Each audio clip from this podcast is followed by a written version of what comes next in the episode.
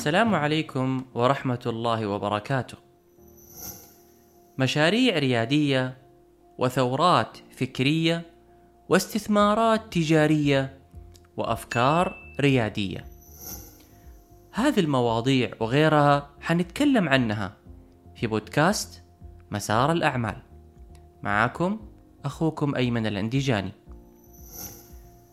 في هذه الحلقة حنتكلم عن ستة طرق فعالة تخلي العملاء يتكلموا عنك.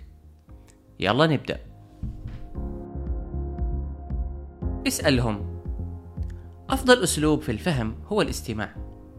أتصل على عملائك واسألهم عن السبب اللي خلاهم يشتروا منك. ليش يفضلوك على البائعين الآخرين؟ ليش بيتكلموا عنك مع أصحابهم؟ ممكن تتفاجأ بالإجابات. هذه الإجابات ما نحطها في الإعلانات والبروشورات لكن بتعطينا فهم عميق عن احتياجات عملائنا. وتفتح لنا فرص داخل السوق وتجذب عملاء جدد أكثر ملائمة للمنتجات اللي بنقدمها. هذا الكلام ينطبق معانا من خلال الاستماع لهم في الإنترنت وسائل التواصل الاجتماعي. إيش بيقولوا عنك في قنوات سلاج أو التعليقات على المدونات أو على لينكدين أو تويتر؟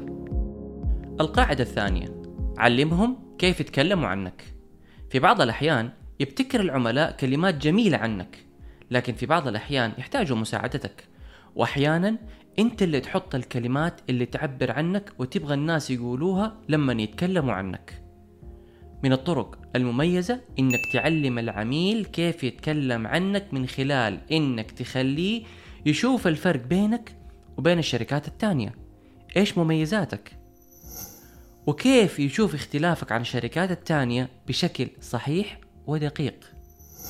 طبعا في عالم الوسائط الاجتماعية اليوم يبالك تخلي أسعد عملائك بدون ما يشعر يتكلم عنك ويضيف تعليقاته وآراءه على مواقع مهمة مثل Yelp My Business Google والتصنيفات والمراجعات على فيسبوك ومواقع التصنيف من نوع سيتي سيرش القاعدة الثالثة حط عليهم نجمة. إنك تترك كلام العملاء الجميل عنك بدون استثمار أو إنك تتركه بدون ما تتكلم عنه يعتبر أمر خطير للغاية وقد يسيء إليك على المدى البعيد. اليوم تقدر تسجل شهادات تقدير العملاء على التطبيقات بسهولة وممكن تعمل معاهم مقابلات على الزوم وتسجلها وتخليها قصص نجاح هذا الجزء الواقعي يعتبر قطعة ذهبية في قصتك وكيف تحول عملائك المميزين إلى لوحات إعلانية تتحدث عنك في كل مكان. وإذا تبغى تعمل شيء خارج عن المألوف سوي لهم حفلة. واجمع عملائك المحبين لك وخذ معاهم أجمل صور ولقاءات وشوف بعدها كيف حيصير كلامهم عنك بعد الحفلة. القاعدة الرابعة اجعلهم شركاء. الناس بطبيعتها تحب إنها تكون مفيدة للآخرين وهذا الشيء ممكن تستفيد منه بطريقة بسيطة وممتعة لتحصل على نصائح مهمة. اعمل مجموعة مناقشة زي الطاولة المستديرة. واجمع عملائك المميزين على وجبة غداء أو عشاء على شرفهم. وتكون مكونة من عملاء محددين يتميزوا بالصدق والتفكير الناقد والإبداعي. واطلب منهم المشورة بخصوص خططك التسويقية والمنتجات الجديدة وحتى المشاريع الجديدة. ممكن تشمل المشورة كل الأمور. من توزيع المنتج إلى شكل وأسلوب التصاميم حتى موقعك الإلكتروني. وممكن تعمل هذه الجلسة كل ثلاثة أشهر أو حسب احتياجك.